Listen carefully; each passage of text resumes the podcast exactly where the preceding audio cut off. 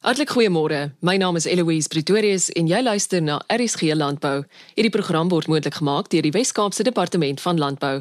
Professor Pieter Gous is die waarnemende direkteur van die nuwe Sentrum vir Voedselveiligheid, Visie Dekaan, en ook professor in voedselwetenskap aan die Universiteit Stellenbosch.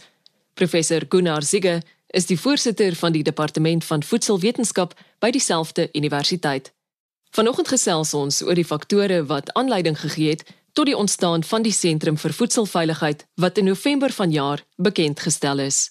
Voedselveiligheid is uh, eintlik almal se verantwoordelikheid, maar ek dink na die reuse listeriose uitbraak wat plaasgevind in Suid-Afrika, is daar definitief 'n behoefte gewees om bietjie meer navorsing te doen oor voedselveiligheid en spesifiek ook na te kyk na die verband tussen patogene wat in voedselprodukte voorkom, maar ook om die industrie te betrek om seker te maak dat almal is op dieselfde golflengte wanneer dit kom met die navorsing van voedselveiligheid en te verseker dat jou voedselprodukte wat geproduseer word wel van hoogstaande gehalte is en veilig is. Ons het basies 3 hoofbene waarop die sentrum gebou gaan word. Die eerste een is basies navorsing wat gedoen word in verband met voedselveiligheid, alle aspekte van voedselveiligheid, nie net microbiologiese veiligheid nie, maar ook ander chemiese veiligheid, alle gene wat in voedselprodukte voorkom. Uh so definitief gaan dit gebruik word om studente op te lei en om te verseker dat ons 'n kritiese massa het van personeel en ook persone wat weet wat is die uh sake rondom voedselveiligheid. Die ander bene is basies om te kyk na regulering in verband met voedselveiligheid, uh, die wetgewing daarbey betrokke. Ons weet dat ons is 'n bietjie agter met die internasionale tendens van voedselsekerheid wetgewing en dis sal ons definitief daarna kyk om van die wette bietjie te verander of te probeer te verander en te verseker dat die meeste van die inligting wat gebruik word gebaseer is op wetenskaplike navorsing. Uh als moet uh, gefundeer wees op die wetenskap, so dit moenie net deur emosies gelei word nie. Die derde uh, been wat ons gaan basies doen is ek is eintlik uh, om vir die verbruiker in te lig oor voedselveiligheid, wat om te doen in verskillende uh situasies om te verseker dat die nuus wat gewoonlik uitkom werklik uh nuus is wat hulle kan glo uh sodat daar vertrouenswaardigheid tussen die sentrum vir voedselveiligheid kan wees en ook die verbruiker. Is hy enig in sy soort? Wel nee, hy is enig in sy soort in die wêreld, maar hy is definitief die eerste in Suid-Afrika. Ehm um, uh reg oor die wêreld is daar 'n Centers for Food Safety. Uh van die bekendes is seker die een wat in Amerika is by die University of Illinois, uh wat daar baie nou saamgewerk word met die Food and Drug Administration om te verseker dat hulle produkte veilig is. En dan is daar 'n hele paar ehm um, daar's een in Nieu-Seeland uh, wat kyk na voedselveiligheid en dan ook in Europa is daar 'n hele paar. By die dag van die bekendstelling was daar heelwat besoekers ook van buite ons land se grense. Wie was hulle? Een van die uh, internasionale ehm uh, besoekers was uh, Steven Forsyth. Uh, Steven Forsyth uh, is 'n outeur van 'n voedselmikrobiologie handboek wat ehm um, wyd in die wêreld gebruik word in in voedselmikrobiologie en die ander uh, internasionale ehm um, gas was uh, Pier Sandro Cocconcelli wat 'n kundige voedselmikrobioloog aan die Universiteit Sacro Cuore in Italië is uh, in Milaan. Uh, hy is ook nou betrokke by by EFSA, die European Food Safety Authority. Ehm um, en hulle dien ook op die sentrum se uh, beheerliggaam of 'n uh, adviesraad. Ehm um, en hulle was hier vir die onthulling van die sentrum om ook net van hulle kant en hulle kundigheid uh die belangrikheid van so 'n sentrum uit te lig. Ja, ek dink die hele voedselindustrie is nou op hoogte van voedselveiligheid, maar ons moet net ook net duidelik sê dat die manier waarop die voedselindustrie produkte geproseseer het was altyd baie goed geweest. Daar was baie hoë standaarde geweest. Hierdie uitbreking wat plaasgevind het van listeriose is maar as gevolg van iets wat gebeur het wat met enige iemand kan gebeur het, nie net met Tiger Brands nie. Ehm um, die organisme was nie baie goed verstaan binne in die industrie nie en daarom is daar verskillende probleme opgetel om te en om te verseker dat dit wel uh, beheer kan word.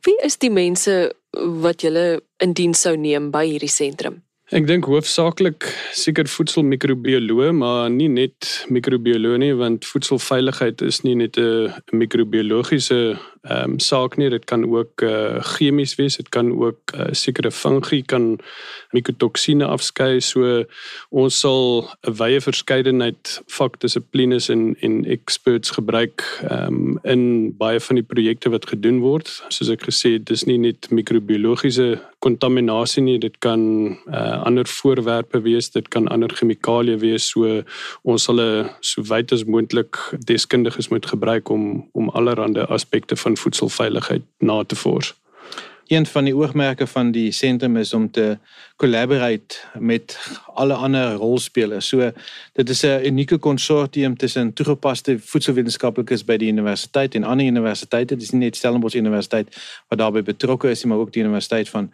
Pretoria het al klaar aanduiding gegee dat hulle belangstel om saam te werk in hierdie konsortium en dan ook om al die navorsers en ook die persone in die voedselindustrie betrek daarbey om vir hulle toe te lig van kennis uh rondom voedselveiligheid.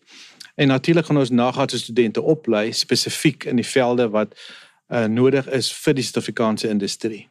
Ek kan my indink dat dit 'n hoop in jou hart is dat die sentrum sal uitbrei. Ja, verseker, hierdie is eintlik maar een van van drie uh pilare in terme van sentrums of vakgebiede binne in voedselwetenskap waaraan ons graag wil aandag gee.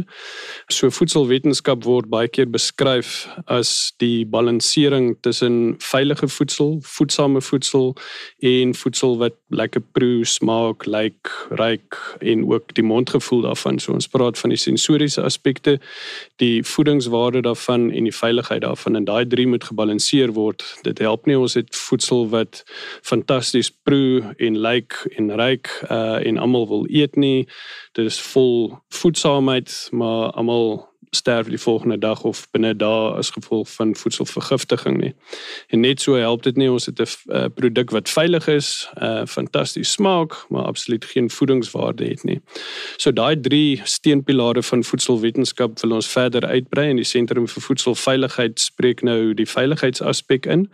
Ons kyk ook na uh verdere sentrums een in sensoriese wetenskap om seker te maak dat die voedsels wat ontwikkel word en wat op die mark verskyn wel aan verbruikers se behoeftes in terme van smaak en eetgewoontes uh konformeer maar dan ook om uh, navorsing te doen op nuwe prosesseringstegnologieë wat hierdie prosesse beter ehm um, kan doen met minder verliese aan die sensoriese eienskappe en ook minder verliese aan die aan die voedsaamheid van voedsel sodat ons meer voedsel kan preserveer met 'n beter smaak en uh geurprofiele maar ook 'n beter behoud van die voedsaamheid daarvan. So hierdie ander twee uh sentrums is in verskillende stadiums van ontwikkeling. Die sensoriese wetenskap ehm um, sentrum is al in 'n redelike gevorderde beplanningsfase en die uh nuwe prosesseringstegnologie loods aanleg en en sentrum sal hopelik uit die werking van hierdie ander twee sentrums ook momentum kry.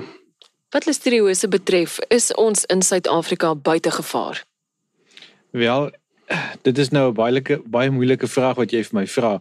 Ek kan nou ja of nee antwoord by elkeen van daai. Ek dink ons is buite gevaar met die met die huidige uitbreking wat plaasgevind het. Maar daar's altyd 'n uh, kom ek sê 'n uh, geleentheid vir die organisme om te kan groei binne in verskillende voedselprodukte. Die meeste van die gevalle van listeriose is as gevolg van kruiskontaminasie wat nie in die fabrieke plaasvind nie, maar wat basies by uh, die huishouding of in restaurante plaasvind. So die gevaar is altyd daar dat iemand listeriose kan optel nie as gevolg van 'n voedselproduk wat uh, onveilig was nie, maar as gevolg van kruiskontaminasie binne in die huis self die doelwitte en die toekoms van hierdie sentrum as as julle manne dalk bietjie daar wil uitbrei? Ja, ek dink een van die uh, groot doelwitte wat ons wil sê is dat daar is 'n voedselrevolusie is nodig wat aangaande voedselveiligheid. Ehm um, daar's klomp sisteme in plek wat die me meeste mense bekend staan as HACCP, Hazard Analysis Critical Control Points, wat gebruik word in die industrie om te verseker dat die risiko's beperk is en ook beheer kan word binne 'n voedselstelsel en ook in 'n voedselproduk. Maar daar sekerre aspekte wat daar definitief na aandag ge ge gegee moet word om te verseker dat ons aanpassings sal moet maak om die risiko net ook verder te verminder. So dis een van die groot doelwitte wat ons het. Die ander doelwit wat ons het om te verseker dat ons sal op die voorgrond wees en kan uh, antisipeer wat die volgende organisme gaan wees wat dalk 'n uitbraak kan veroorsaak.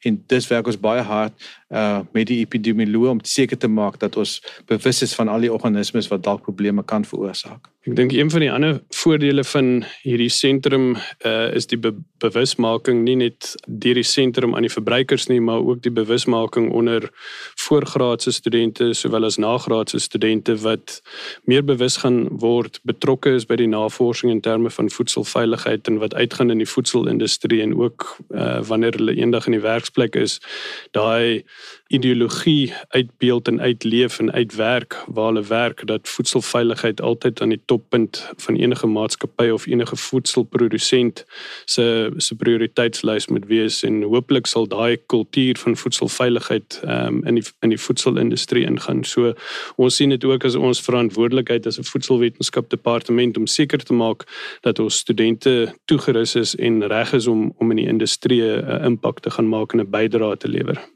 die meeste van die navorsing wat ons ook gaan doen gaan definitief wees om impak te maak. So daar word baie nou saamgewerk met die voedselindustrie om werklik uit te vind watse tipe navorsing is nodig uh sodat dit 'n impak kan hê in die industrie self. Onthou gerus om www.rsg.co.za en elsenburg.com te besoek vir nog inligting en potgoeie.